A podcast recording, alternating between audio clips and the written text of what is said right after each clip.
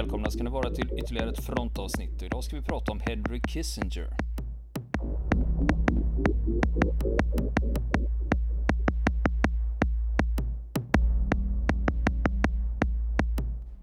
Och nu ska vi fortsätta prata om Henry Kissinger under andra världskriget. Men det går framåt i alla fall. I mars 1945, då har de kommit till Kreifeld. Det är vid Ren. Det är en stad med 200 000 invånare. Amerikanska styrkor tar staden. Det här är ganska nära den holländska gränsen, men staden fungerar inte. Alla funktioner i staden var ju utslagna. Och då var det CIC, alltså Counter Intelligence Corps, som fick uppdrag att lösa det här.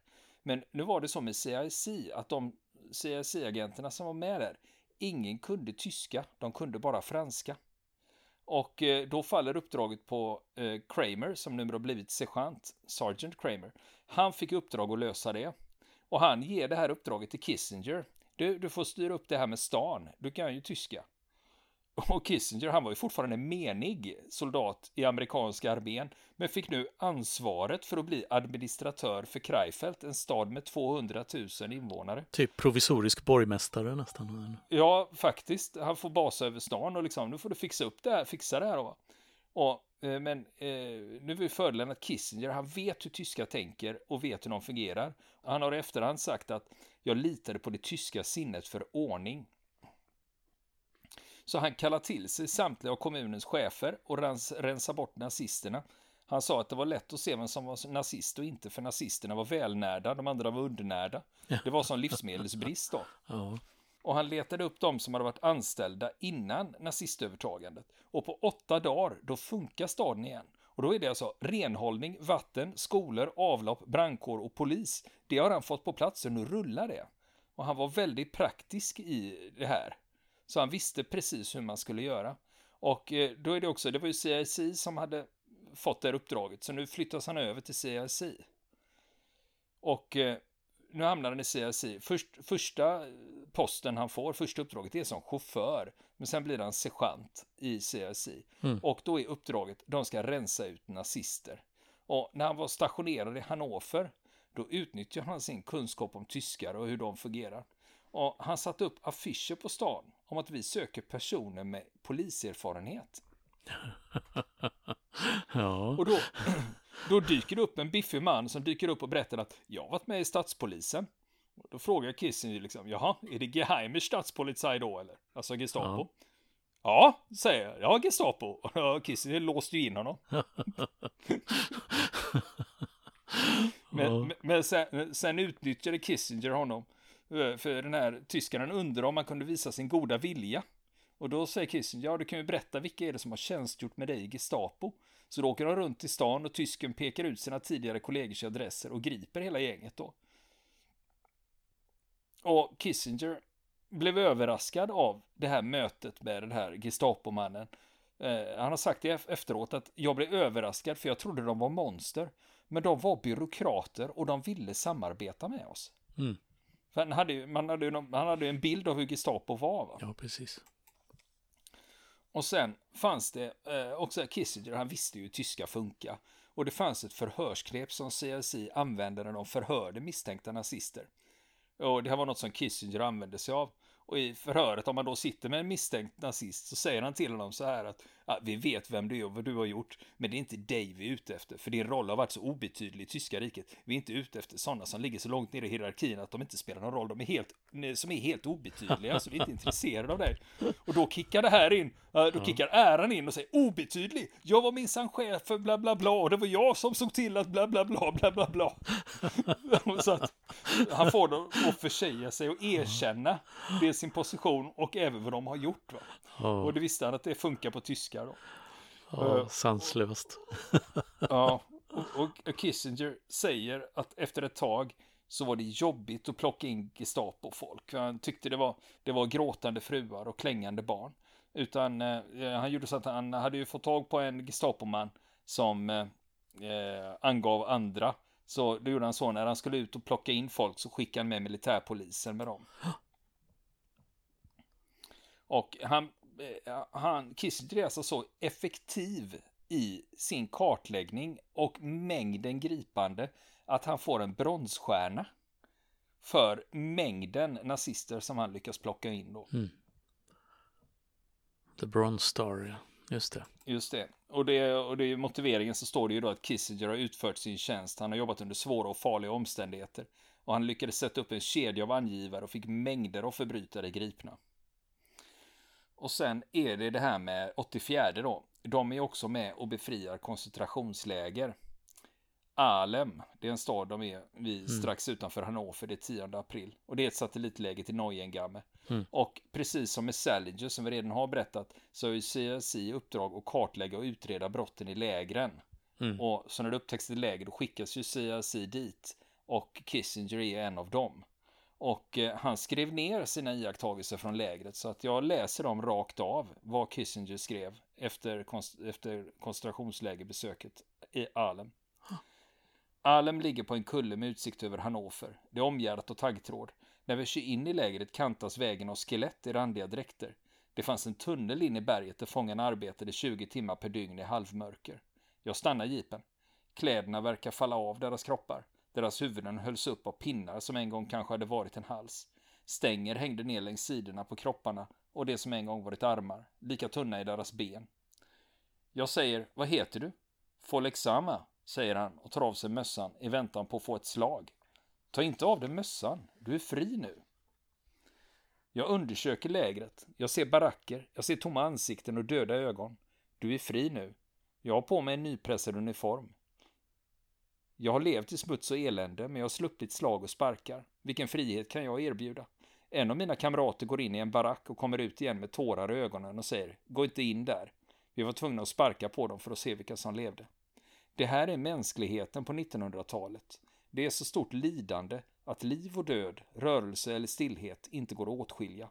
Det plågade ansikte som tittar på mig från baracken eller Folexama som står med böjt huvud. Vem var det som var tursam? Mannen som ritar cirklar i sanden och säger jag är fri eller benhögarna inne i berget. Folexama, din fot har krossats så du inte ska kunna fly. Ditt ansikte är 40 år gammalt, din kropp uråldrig men på din födelseattest står det 16 år och där står jag i mina rena kläder och håller tal till dig och dina kamrater. Folexama, ditt öde anklagar mänskligheten. Jag, Joe Smith, mänsklig värdighet. Alla har svikit dig. Du borde bevaras i betong här uppe på kullen för framtida generationer att se och ta lärdom av. Mänsklighet och objektiva värden stannade utanför taggtråden. Vad skiljer dig och dina kamrater från djur? Varför accepterar vi på 1900-talet detta? Men Follek, du är fortfarande mänsklig. Du står framför mig med rinnande tårar. Ett hysteriskt snyftande följer. Gråt du bara, för Folexama, dina tårar vittnar om din mänsklighet, för de kommer att absorberas av denna förbannade mark. Så länge begreppet samvete existerar i denna värld kommer du att personifiera det. Ingenting kan någonsin ge dig återupprättelse. I det avseendet är du evig. Det var det som Kissinger skrev om mm. Eh, befriandet av Alem. Och sen 2007 då släpptes en dokumentärfilm om befriandet av Alem. Kissinger var på premiären 2007 och i publiken satt det bland annat överlevare från Alem. Och Kissinger var inbjuden att hålla ett tal. Och eh, då sa han så här. Jag pratar inför många grupper och jag har många tillfällen att uttrycka mig. Men det finns ingen publik som betyder så mycket för mig som ni som är här ikväll och jag är stolt att ni har låtit mig komma hit. Jag tillhörde 84 infanteridivisionen. Jag började i G-kompaniet i 335 regementet med att gräva skyttevärn i Louisiana. När divisionen kom till Tyskland tillhörde jag fortfarande G-kompaniet. En dag kom generalen på inspektion och kallade fram mig och bad mig förklara vad som pågick. Efter det fördes jag över till G2-sektionen som sysslar med underrättelsearbete. Och det var fortfarande 84 när vi tog Hannover. Och i utkanten av Hannover, som överlevarna här i salen vet, som koncentrationslägret eller arbetslägret Alem låg. Självklart hade jag läst om koncentrationslägren, men det var långt senare jag fick veta att min mormor och flera medlemmar i min familj hade dött i koncentrationslägren. Men jag kunde aldrig föreställa mig hur det faktiskt var. Jag har aldrig sett människor förnedras så som i Alem. De såg knappt mänskliga ut. De var skelett. Jag behöver inte berätta det för överlevarna. De var så avmagrade att det var farligt att ge dem fast föda eftersom de inte kunde smälta den. Det här är den mest chockartade upplevelse jag varit med om och det gjorde ett outplånligt intryck på mig. Det har skrivits många artiklar om mig Och folk har skrivit att jag var traumatiserad av mina upplevelser i Nazityskland när jag var barn. Det är nonsens. När jag var i Nazityskland hade de inte börjat mörda ännu. Jag lämnade landet 1938. Utan traumat för mig var att se Alem. Det var där jag såg systemets grymheter och förnedringen av människor. Och det är inget jag är mer stolt över i min tjänstgöring för detta land än att ha fått äran att vara en av dem som befriade koncentrationslägret Alem. Det är något vi aldrig får glömma. Det är en plikt vi har. Jag pratar inte mycket om det, för folk kan inte förstå som inte varit med om det. Men jag hyllar överlevarna som är här idag. Och det skulle vara en ära om ni vill komma upp hit så vi kan ta en bild tillsammans. Jag vill tacka er alla. Det var vad han sa på, mm. under den här filmpremiären då, 2007. Men sen har vi ju, ska vi tillbaka till andra världskriget. För eh, segern inträffar ju i maj och då är Kissinger 22 år gammal. Och då passar han på att åka till sin gamla hemstad Fürth utanför Nürnberg. Och Kissinger han ansågs inte som sentimental, men han kommer till Fürth och brakade loss. Det blev ett tio sidors brev till sin mamma. Leutershausen, det var hans mammas by. Han tyckte den såg fridfull ut. Han tittade ner i dalen. Träden skuggar. Vi stannade i jeepen på busshållplatsen. Jag tyckte jag såg en liten tjock kvinna och en äldre man med mustascher. Han tänker på sina morföräldrar. De hade mördats i koncentrationsläger. Vi körde sakta som spökena från de dödade. Jag tänker på den lilla pojken som spelat fotboll. Allt kom över mig och tiden stod still. Om vi kan åka tillbaka 13 år innan övertagandet hade det varit en lång hård väg. 13 år är en lång tid att färdas tillbaka. Jag tänkte på de fina människor som bodde här som jag kände. Sen försvann illusionen och jag sa adjö till mina morföräldrar. Och det, han hade varit i Leutershausen då, det var hans mammas by, och så åker han till Fürth och tittar på deras gamla lägenhet, han tittar på gatan där de bodde och tänker på promenaderna han tagit där. Och sen eh, åker han också förbi den skolan där deras pappa hade undervisat. Mm. Och eh, när han går in, han går in i skolan där också. Och han berättar att när vi gick genom korridorerna så stod männen i vakt. Det var det förflutna som följde efter. Varför inspekterar du skolan? Jo, jag betalar en skuld till min far. Och sen besöker han Nürnberg, operahuset där och kulturhuset och posthuset är förstört. Men skalet av staden var kvar. Och sen åker han upp till en kulle ovanför Nürnberg och det är där han säger farväl till sin ungdom, har han själv skrivit då. Och sen i Fürth så letar han efter bekanta. Och där hittar han sin gamla klasskompis Helmut Reisner. Eh, han påträffar honom hos en icke-judisk familj. För eh, familjen Reisner var några av de 50 000 som hade mördats i Buchenwald som ligger 16 mil norrut. Men Helmut som han springer på nu, han var en av de 20 000 som levde när lägret befriades i april och då tar han sig till Fürth. När Kissinger kom dit och kände Reisner igen honom direkt. Han var varm och hade medlidande, säger Reisner. Men de pratade inte om vad som hade hänt. Hade jag gråtit hade han inte lyssnat på mig. Och Kissinger höll ett öga på Reisner under tiden som Kissinger var i Tyskland och han såg till att han hade pengar och mat. Och han såg till att han senare fick emigrera till Long Island för det hade han en faster. Och Kissinger skrev ett brev med instruktioner för att förbereda henne. Och han skrev så här. Jag känner att det är min plikt att berätta hur det ligger till med överlevare från koncentrationsläger eftersom det förefaller att det finns en felaktig bild i Amerika. Koncentrationsläger var inte bara kvarnar och förintelse, det var också en prövogrund. Här stod män ut och överlevde trots alla odds. Minsta misstag innebar döden. De som överlevde besitter en enorm viljekraft. Intellektuella, idealisterna eller de med hög moral, de hade inte någon chans. Men de som hade bestämt sig för att överleva, då var det nödvändigt att följa det spåret som är obegripligt för er som bor i det skyddade Amerika. Det innebar att det inte fanns några hinder när det gällde värderingar eller moraliska betänkligheter bland de som överlevde. Bedrägeri och lögner krävdes för att få mat.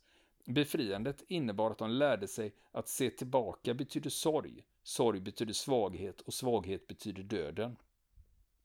Befriandet innebar inga problem för dem. De vidmakthöll sin inställning att de skulle överleva. De behöver inte medlidande, det gör dem obekväma och nervösa. Ni skulle göra ett stort misstag om ni förväntar er en nedbruten pojke.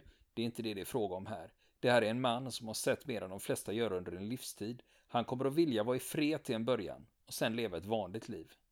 Och när Reisner väl hade, faktiskt eh, så var det så här. Eh, det var vad eh, Kissinger skrev i brevet då till fasten. Och när Reisner väl kommit till USA, då grundade han ett kemiföretag på Long Island och sen levde han ett gott, men normalt liv efter kriget. Men det här brevet som han skickat till fasten, det återspeglar en återkommande fråga eh, när det gäller Kissinger. Och det handlar om det här med moral och realiteter, att de kan hamna i motsats. Och det var det de hade gjort i koncentrationslägren. Och Kissinger har ibland anklagats för att se moral som svaghet. Och de i koncentrationslägren, de har ju sett ren ondska. Och vem kan anklaga dem för att vara misstänksamma för det? Men nu har ju också Kissinger ett jobb här med CIC efter kriget. Eh, bland annat så har, kör han omkring i en konfiskerad vit Mercedes från 1938 och han bor i Bensheim. Eh, och han eh, kör med sin vita Mercedes eh, genom stan där. Och han stannar framför skattekontoret och kliver in där och säger Hej, jag är Mr Henry från CLC, jag tar över den här våningen. Och sen i juni 1945, då var han 22 år, då blir han kommendant för en ny CIC-avdelning och det är det i Bergstrasse-distriktet. Och det här betyder alltså att han är ansvarig för en region. Och han har berättat efteråt att vi hade alltså mer makt än armén. Och eh, att han var alltså den absoluta härskaren av Bensheim. Eh, och han var inte hämndlysten. Han gillade inte när CIC-agenterna var taskiga mot civila. Och Kissinger skällde ut CIC-agenter och sa så här att hur kan ni bete er illa mot dem? Det var ju så nazisterna gjorde. Och det här med att han kallar sig Mr Henry, för han tyckte det lät mer amerikanskt än att kalla sig Mr Kissinger. Han ville bli betraktad som en amerikan och inte som en jude. Och då var det också det att, så de inte trodde att nu kommer judarna hit för att hämnas, utan eh, det var det han ville undvika. Ja, Eh, sen var det också det när de amerikanska soldaterna var i Europa vid den här tidpunkten så fanns det regler för fraternisering, det vill säga hur du umgås med civilbefolkningen. De skiter Kissinger i. Han skaffar sig en älskarinna. Det var en blond kvinna som var gift med en adelsman och eh, hon var tydligen väldigt, väldigt tjusig. Och eh, det blev bilutflykter och trevliga middagar. Och dessutom så passar han på att beslagta en stor tjusig villa utanför Blensheim som han lever i med sin älskarinna och sin stora vita Mercedes. Eh, och eh, i den här biografin jag läst om Kissinger där man bland annat pratat med Jerry Beckhofer. Han var kompis med Kissinger eh, ända sedan tiden i Tyskland, eh, Würth alltså. Och sen också New York eh, kände de varandra i också. Och sen var han stationerad i Heidelberg efter kriget. Och han skriver det att han brukar hälsa på Kissingers fester. Och det var, eh, han bodde i en elegant modern villa. Och flickvännen var intelligent och snygg och de gav fantastiska fester. Och ibland var Reisner med där ibland också för att rehabiliteras. Eh, alltså inte på festerna nödvändigtvis, utan han bodde i villan då för att hämta sig. Och den här regionen som Kissinger basar över, den består av 20 orter och samhällen. Och Blenheims borgmästare var en flitig besökare i villan. Och den lokala polischefen som satt innan maktövertagandet återsattes i tjänst och han hjälpte till att gripa nazistpampar tills eh, polischefen själv avslöjades med att ta mutor och då var de tvungna att gripa honom. Och eh, det är också i den här rollen, när han basar över den här regionen, det är då det visar sig vilken fantastisk diplomat han är. Och han får ordning på orterna och regioner bedömdes vara denazifierad. Och Kissinger stannade i Bensheim i ett år innan Kramer fixade ett nytt jobb åt honom. Och det var att nu skulle han undervisa på en underrättelseskola. Och då var det tio månader som staff sergeant. Och sen skulle han då vara civilanställd. Och den här skolan låg i Oberammergau. Och det här är tyska alperna söder om München. Och nu är det ju så här med Eh, om man tittar på Kissingers egna bildning här. För dels hade han ju gått ut high school och sen hade han ju en påbörjad collegeutbildning i armén som fick avbrytas då 1944. Men när Kissinger kliver in och föreläser, han är väldigt auktoritär och föreläser med stort självförtroende och sakkunnighet. Eh, nu är det så att den här chefen för skolan, eh, han tyckte att Kissinger var arrogant och bröt mot reglerna.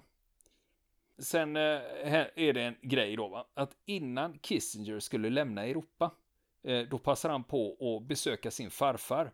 Och var bodde farfar då? Jo, han bodde ju i Stockholm. David Kissinger. Så, eh, Kiss, eh, så Henry Kissinger och en kompis, de reser med tåg i november 1946. Jaha. Och, det, och, han, och kompisen åker med för han hade också en farbror i Stockholm. Eh, och eh, vid det här laget David Kissinger som bodde i Stockholm, han var 86 år. Så när de kommer dit så spelar de lite kort, men han fuskar fortfarande trots att han är 86 år gammal. och, eh, och Kissingers farfar var inte bitter mot nazisterna, trots att tre av hans döttrar hade mördats av nazisterna. Medan Kissingers pappa hade väldigt, väldigt svårt att hantera det här. Mm. Och sen är det det här med kriget. Han ska hem till Amerika då. Kriget är över för Kissingers del och han fick ju med sig en bronsstjärna i alla fall. Han säger efter kriget att det var en amerikaniseringsprocess att vara med i armén.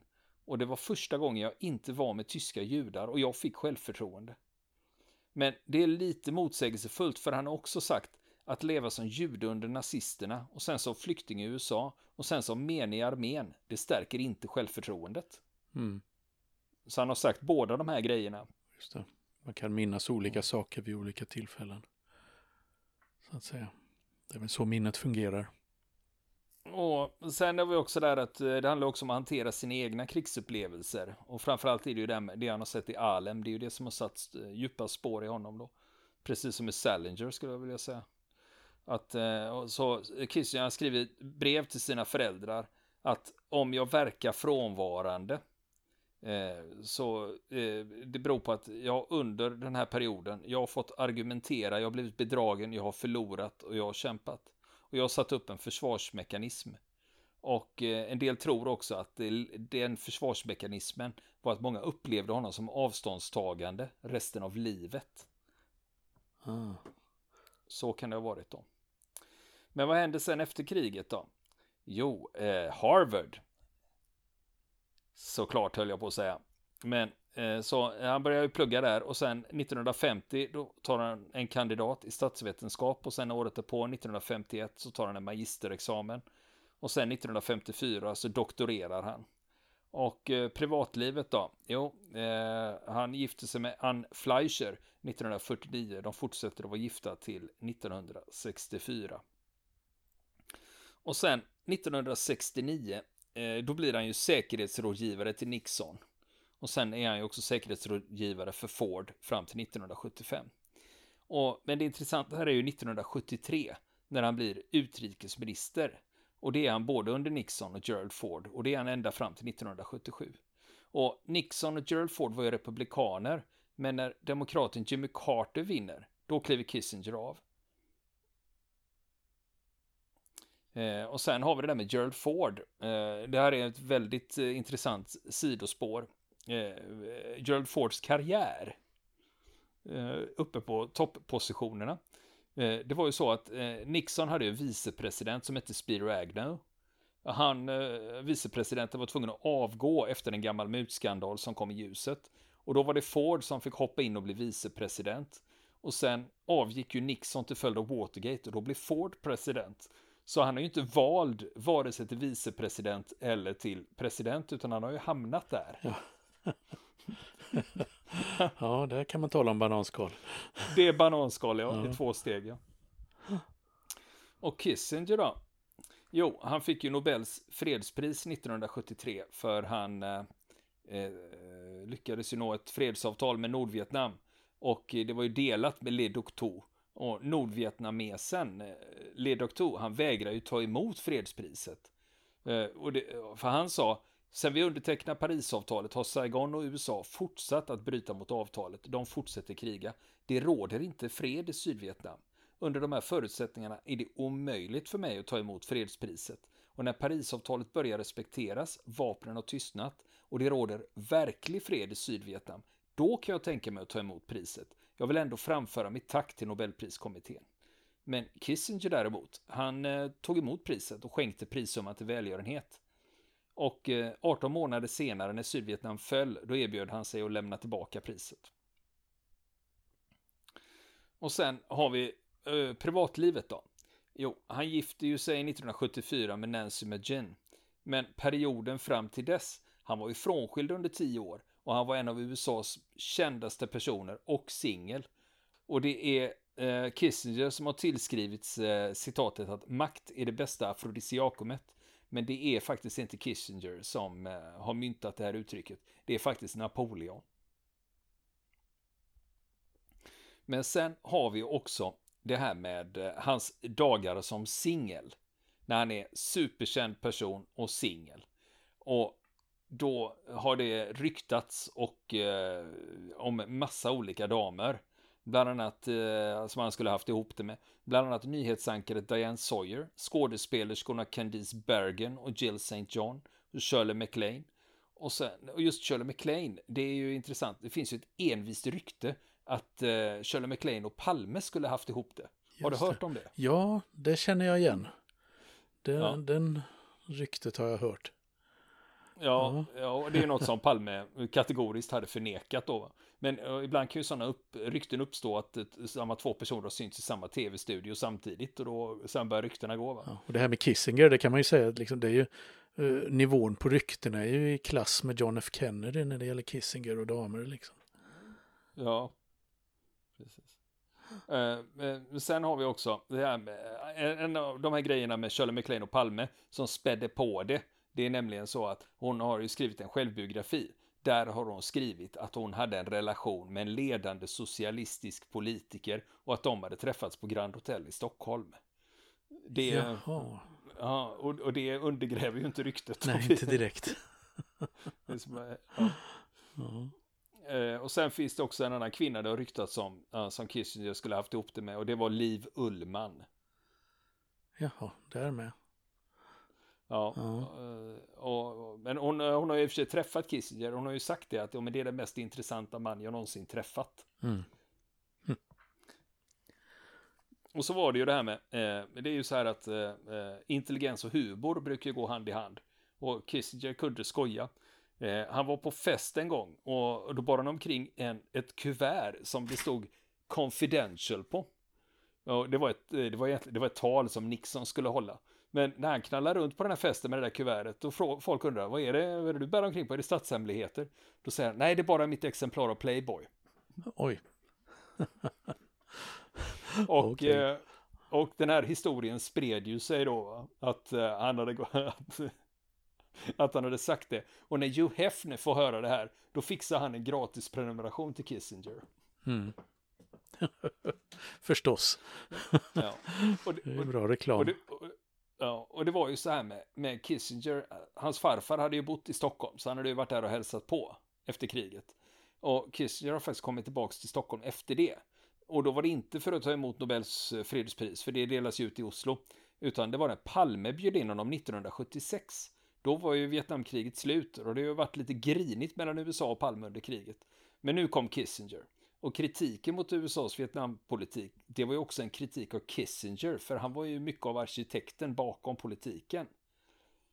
Okej, nu var det ju så att han, eh, Kissinger och Nixon hade ju ärvt kriget. Men eh, jag tänker då på Palmes jultal 1972 om bombningen av Hanoi när han jämställer den amerikanska staten med nazisterna och räknar upp massa massmord som har skett i historien och inkluderar då Hanoi 1972. Ja, och apropå Palme, eh, det var ju när, efter att Palme mördades, då höll Kissinger tal på en minnesgudstjänst i, i Washington. Och eh, den här minnesgudstjänsten var i en kyrka i Washington och där var det svenska ambassadören som höll tal bland andra och Ted Kennedy också. Och eh, Washington Post var där och skrev ner vad som sa. Och eh, enligt dem så sa Kissinger att eh, Palme var en av de främsta kritikerna när det gällde USAs inblandning i Vietnam. Men han var en snäll man som brydde sig. Efter att jag genomgått hjärtkirurgi avbröt han sitt program och ringde upp mig från en flygplats någonstans och vi hade ett långt samtal. Men allt eftersom åren gick började jag mer och mer betrakta honom som en vaktpost för frihet. Det har varit ett privilegium att få lära känna personen Olof Palme. Kissinger, han lever ju fortfarande. Han är 97 år gammal och han bor i Connecticut och New York. Och sen har vi ju den här, eh, Kissinger har ju en väldigt karaktäristisk brytning. Han har ju eh, alltid haft den här tyska brytningen. Väldigt tjock tysk Och- accent. Ja. Ja. Så det har ju varit hans signum. Men det lustiga är att han, han har en brorsa som är ett år yngre, som inte har någon tysk brytning överhuvudtaget. Och brorsan fick en gång frågan, varför bryter inte du på tyska som din bror? Ni är ju nästan lika gamla. Och han svarar, för jag är den Kissinger som lyssnar. ja, det var en eh, liten kniv mellan revbenen på sin bror. ja, det där kan man säga. Vill ni komma i kontakt med oss så kan ni göra det via vår Facebook-sida som heter Fronten. Det är inga problem för er att leta er fram där. Eller också så mejlar ni på vår mejladress och det är frontenpodcast.gmail.com.